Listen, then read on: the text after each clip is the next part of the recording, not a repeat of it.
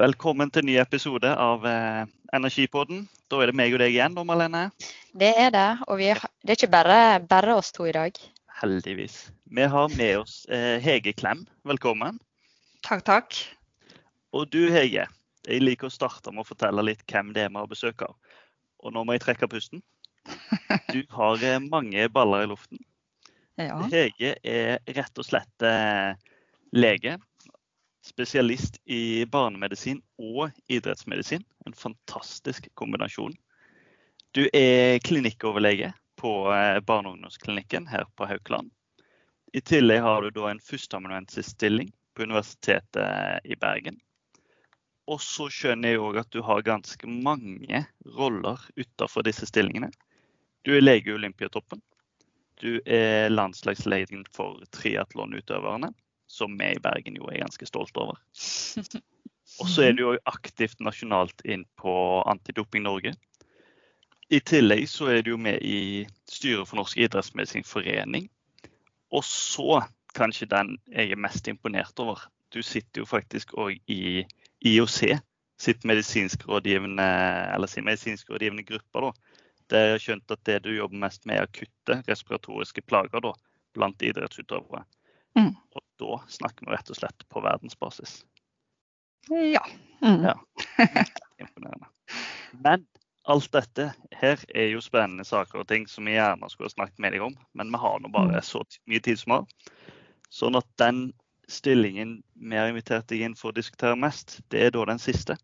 Og det er denne forskerstillingen som du har, der du sitter som leder av det vi nå kaller for Bergen ILO Group. Og så gleder vi oss til å snakke litt om prosjektet Help ILO, som jeg jo husker dagen i fjor der det plutselig poppa inn eh, beskjedne 20 millioner, og nå er en stor satsing i Helse Vest. ja. Ja, Det var utrolig gøy å få tildelt eh, de midlene. Da følte vi at vi endelig hadde klart å oppnå noe etter mange år. Rett og slett. Ja. Men uh, dette er mye bra titler. Du gjør mye spennende. Men hvem er du egentlig, sånn utenom jobb? ja. ja, Det spørs hvor mye som er igjen uten jobb. Nei, da, jeg, jeg er gift og jeg har to barn, to gutter på 10 og 12. Eh, som er veldig lidenskapelig opptatt av basket. Så det går mye i basket på fritiden. Eh, alt fra NBA-kamper til eh, at eh, guttene spiller. Så det, ja, det opptar med meg en del. I tillegg så har vi hytte på Voss som vi prøver å være på når, eh, når det passer seg. Og der har jeg nå, etter at jeg ble 40, så har jeg lært meg å stå på alpint eh, med å lære fra YouTube. Så jeg kan ikke si at jeg er noen ekspert, men nå kommer vi greit ned røde løype. Og det synes jeg det er jeg ganske fornøyd med. Veldig bra. Eget godkjent. Mm. um, det vi jo skal snakke om i dag, det er, som jeg nevnte, det er Bergen ILO, og så er det Help ILO-prosjektet. Og hvis vi begynner med Bergen ILO, da, hva er dette? Hva er det vi egentlig skal snakke om i dag? Hva er Bergen ILO Group? Jo, det er en gruppe som forsker på strupens rolle ved pustebesvær. Fordi strupen den har blitt egentlig neglisjert eh, innenfor eh, eh, med puste- og respiratorisk medisin. Man har liksom øre-, og halsleger som eh, tenker fra halsen og opp. Og så har du lungelegene som tenker fra halsen og ned til lungene. Og midt mellom der så sitter da strupen. Eh, og den er kjempeviktig. Men hvilken rolle han, den har spilt, Altså hvordan den har eh, spilt eh, en rolle i forhold til hvordan man puster og pustebesvær, det har ikke blitt sett så veldig på. Så det var egentlig Opprinnelig så var det eh, Ola Røksund som eh, kom til Bergen i eh, 97. Det var Thomas Halvorsen som ønsket at han skulle komme hit. og Han hadde lang erfaring med å teste barn med astma på Geilemo barnesykehus.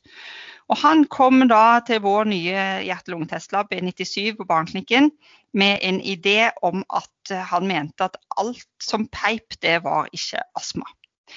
Og så satte da eh, Ola og Thomas Alvorsen eh, seg sammen med Jon Helge Heimdal, som den gang var overlege på Ørnesalsavdelingen, og tenkte hvordan skal vi klare å mm, finne mer ut av dette. Og Ut ifra det så ble det utviklet en test som heter CLE-test, som er forkortelse for Continuous Laryngoscopy During Exercise. På norsk så vil man si at man rett og slett filmer strupen under anstrengelse. Ja. Og den kan vi komme litt nærmere inn på. Mm. Men jeg tenker litt, du nevner alt som pipe er ikke astma. Mm. Dette er da tanker som kom i 97. Ja. Hvordan stemte dette, og stemmer egentlig det overens med hva vi tenker rundt eh, astma og pustebesvær hos disse gruppene? Er det kontroversielt?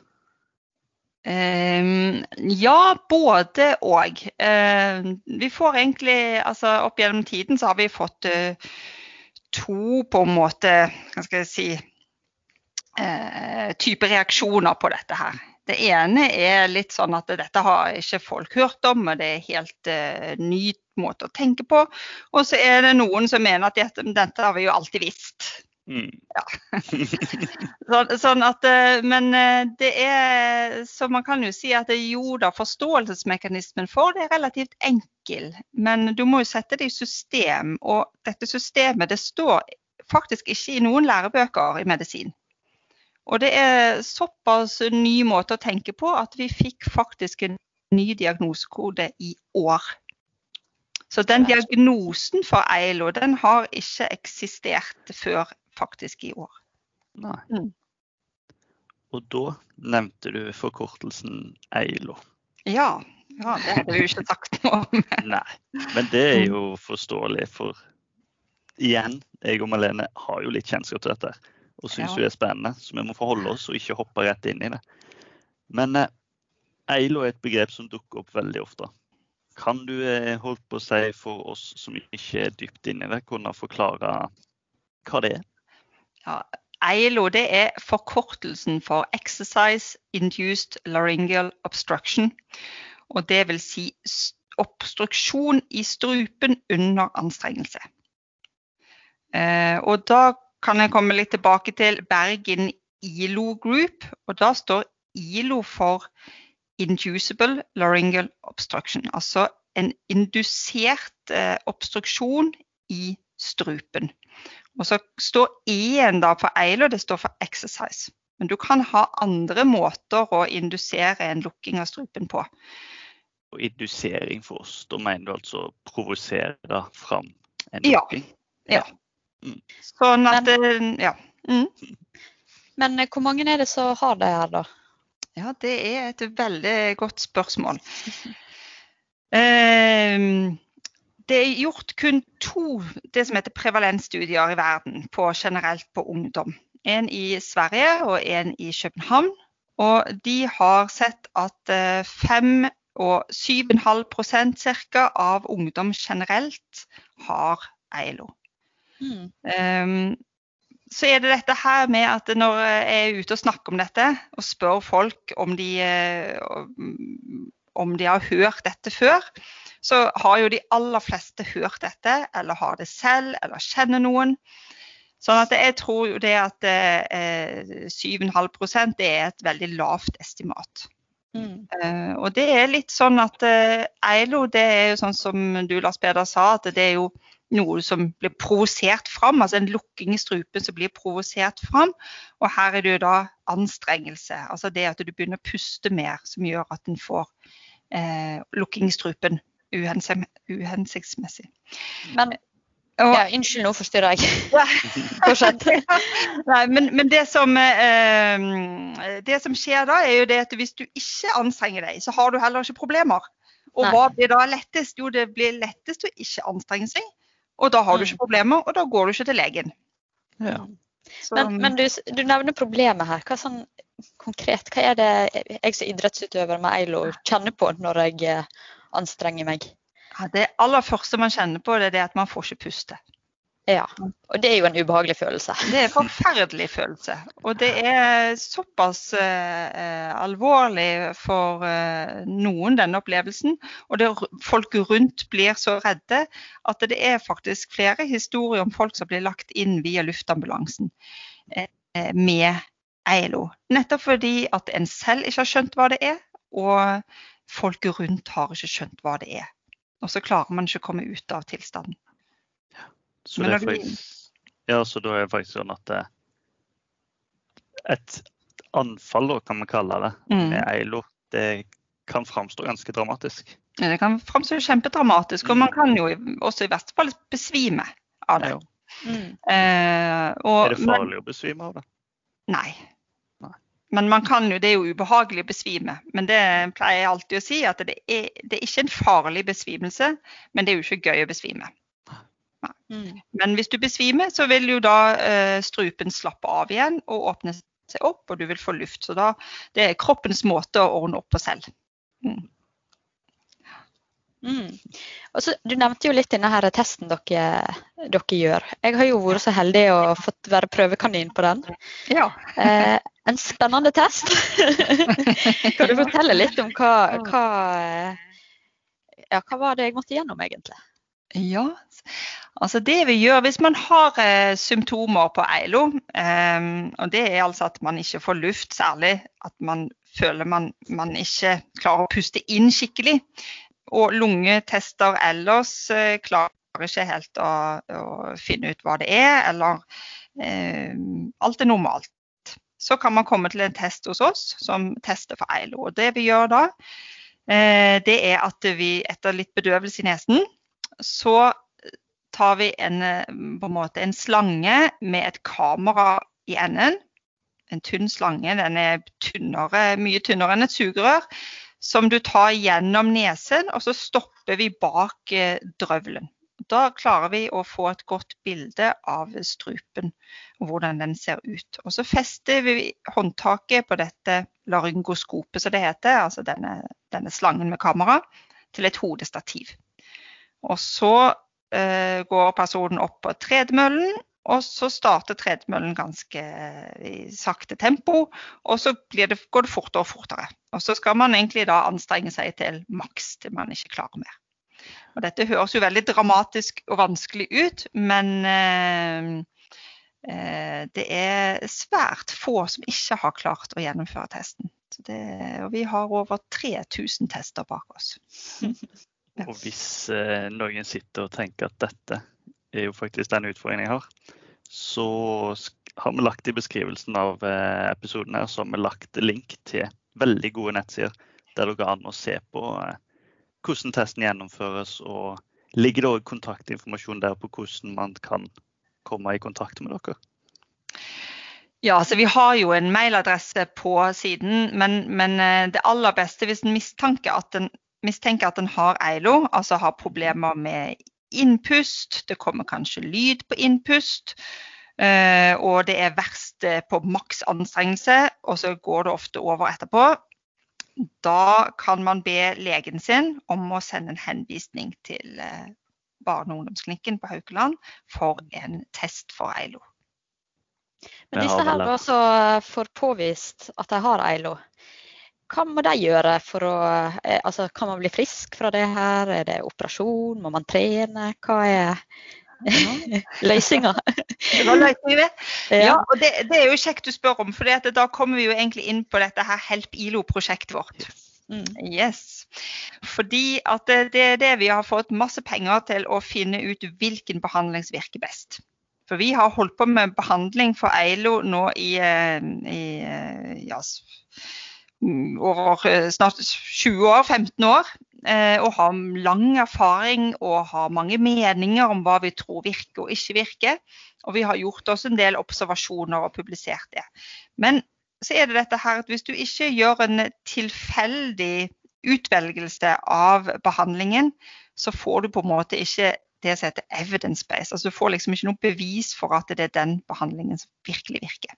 Fordi en kan bli lurt av det vi tror og håper at skal virke. Mm. Så eh, derfor så er det den Help ILO-studien. Den skal bl.a. da eh, sette disse behandlingene som vi har gjort i disse årene, i system. Og så velge den behandlingen da tilfeldig.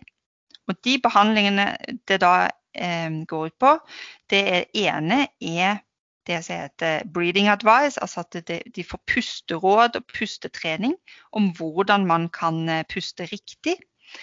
Eh, og det får man samtidig mens man ser hvordan strupen eh, oppfører seg på videoskjermen. Sånn at man lærer rett og slett med det som heter biofeedback. Hvilke følelser har jeg i strupen, og hva er det egentlig som skjer? For de aller fleste de har ikke noe forhold til strupen, den bare er der. Man tenker ikke over om den er åpen eller lukket. Det er liksom en ubevisst handling. Så det vi gjør, er å bevisstgjøre eh, denne handlingen av strupen. Det er det ene. Det får alle, og noen får i første omgang bare det. Og så har vi logopedi, som brukes veldig mange steder i verden. Hvor man lærer da eh, hvordan man skal få tak i disse musklene rundt strupen og holde det åpent. Um, så det er den andre behandlingsformen. Og så har vi noe som heter IMT, som står for inspiratorisk muskeltrening. Hvor man trener pust mot et apparat som har en motstand i seg. Så man, man trener da både eh, styrketrening for å holde strupen åpen, men også koordinering og motorikk. Så det er de behandlingsformene som, eh, som vi har gjort i mange år, eh, og som vi nå trekker på en måte lodd om, hvis den tilfredsstiller kriteriene. Og så er det sånn at noen de har behov for kirurgi. Men det er en svært liten del, ca. 10 har behov for kirurgi. Og så er det bare én type av EILO som kan opereres på. Og Det er det siste leddet i HELP ILO-studien. Det er å se på to typer av operasjonsteknikker for uh, EILO-kirurgi. Mm. Spennende. Hvor mange som uh, skal være med på dette? da? Der skal vi få med 350 stykk. Oi. ja. Men det er klart, når du nevner at 5-7,5 av ungdom er, har EILO, mm. så det er jo mange. Ja. Og så er det nok kanskje enda flere hos idretts, idrettsungdom. Mm. Den er litt sånn usikker enda, men, men den, der kom det ut nettopp nå i januar, faktisk, denne måneden her. Eh, en artikkel også fra Sverige som har sett på eh, ski, eh, skiløpere. De som mm. driver med skiidrett. Og der var det 30% som hadde eil. Men, men vet man årsaken til hvorfor Jeg tipper da typisk kondisjonsidretter kanskje har høyere ja. andel, eller er ikke det noe Jo, det, det er nok en, en, en overrep representasjon der. Og det handler nok med at uh, helt sånn teoretisk, så når du flytter luft, veldig mye luft, uh, over lang tid gjennom et rør, som luftrøret er, og mm. har der en, en forsnevring uh, i luftrøret, så vil denne forsnevringen her, den blir forsterkes hvis det går mer luft, og den luften går raskere. Så sånn sett så vil man tenke at idrettsutøvere som presser seg veldig mye. Og da eh, har, eh, klarer å flytte mye luft inn og ut av lungene. De er mer eh, utsatt for å da få eh, en obstruksjon, altså en lukking i strupen. Mm. mm. Men, sånn fysiologisk sett. Men sitter vi da og sier at eh, kondisjonstrening er risikosport, eller er det mer det at når du gjør det, så oi, oi, oi. legger du mer merke til det? Ja, det er, det er høne og eggeproblematikken, det. Det er, um, det er et veldig godt spørsmål. Det er jo det samme man ser på liksom, i astmaen. Der har man jo endt opp med at uh, astma hos uh, idrettsfolk uh, kan være en yrkesskadetilstand. Men om det er det ei eller dit annen, det, det, vet vi ikke. Nei. og um, ja. Tidligere har en trodd at eh, de som hadde Eilo, de falt av idretten, sånn at man ikke hadde så mange blant idrettsfolk. Men eh, der er det mye vi ikke vet, men som vi håper at vi etter hvert skal finne mer ut av. Mm. Vi kan vel uansett si at uh, de positive konsekvensene av trening overveier Helt klart. Helt klart. For da er det jo òg så viktig at man nettopp finner ut av at det er ei hvis det er man har, så man slipper disse ubehagelige opplevelsene. Ja, og det er jeg er veldig opptatt av. At det, man, at det ikke skal være en unnskyldning for å drive med fysisk aktivitet. For jeg mm. skjønner at folk syns det er ubehagelig og, eh, og problematisk å ha. Og da er liksom det letteste å stoppe med idrett. Og det ønsker å unngå altså, at folk stopper med idrett, for det er så viktig. Mm. mm. mm. Og så kan man få altså Det var vel et spørsmål tidligere som jeg ikke svarte skikkelig på. Men, men vi ser jo at eh, de aller, aller fleste blir bra av dette. Men hos noen tar det litt lengre tid, og så er det jo få vi ikke klarer å hjelpe. Og så vet vi ikke helt hvorfor. Men sånn er det innenfor medisinen at det, mm. det er alltid noen unntak, dessverre, som man ikke klarer å å komme helt i mål med. Men de aller fleste de klarer vi å komme i mål med. Veldig spennende. Du har jo, jobber jo mye med idrett og fysisk aktivitet. Eh, og vi pleier å spørre alle vi har med i podkasten om er hva er ditt beste minne med fysisk aktivitet? En eller annen gang da du virkelig kjente på mestringsopplevelsen? Um, ja. Tok vi deg litt på senga? ja, jeg tok meg litt på senga. Man kan jo på en måte si uh, idrettsprestasjon det er jo, Man konkurrerer jo aller mest med seg selv. Mm. Uh, så jeg må jo si at jeg har vel uh, ett sånn øyeblikk som jeg husker, og det er den gangen jeg klarte å få sekser på Cooper-testen på videregående. ja, Men det er jo en stor prestasjon. Det, det er en stor prestasjon, men det er vel kanskje ikke Ja, det var vel kanskje mer der og da, og ikke meg generelt, holdt jeg på å si. Ja. men, eh, men eh, en annen prestasjon er egentlig det at jeg klarer å nå komme meg relativt greit ned rød bakke etter å ha lært å stå på ski på YouTube. jeg syns det er helt fantastisk. det er jeg litt stolt av. så, så, du kan si at jeg har to sånne to uh, idrettsgleder på hver sin ende av skalaen. Mm. ja. det var veldig bra. Og så har vi òg enda et spørsmål eh, som vi pleier å stille alle. For dette her er jo en podkast som handler om fysisk aktivitet, mestring og barn og unge med særskilte behov. Mm. Eh, og Da lurer vi egentlig litt på hva er liksom ditt beste tips eller råd til barn og unge så, altså for å mestre i fysisk aktivitet? Ja, det er jo å finne noe man liker. Mm. Noe som gir en glede. Eh, og ja, det skal være gøy å, å, være fysisk aktiv. Og jeg tror at det finnes noe for alle. Mm. Eh, men, men, det er ikke sikkert at eh, fotball passer for absolutt alle.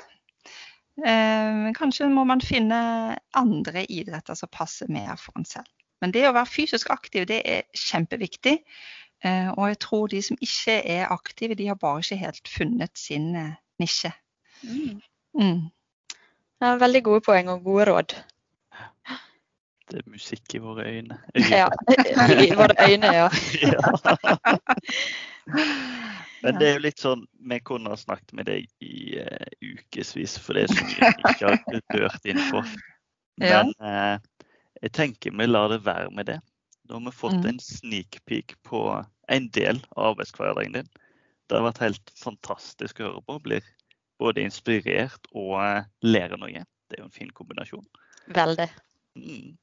Og så håper jeg jo at du har lyst til å høre på podkasten vår. Og så vil vi veldig gjerne at du sprer ordet om det er noen av dine kollegaer eller i dine kretser som det kunne vært av interesse for oss å snakke med. Så må du bare sende det i vår retning. Det skal jeg gjøre. Mm. Tusen takk for at du ble med.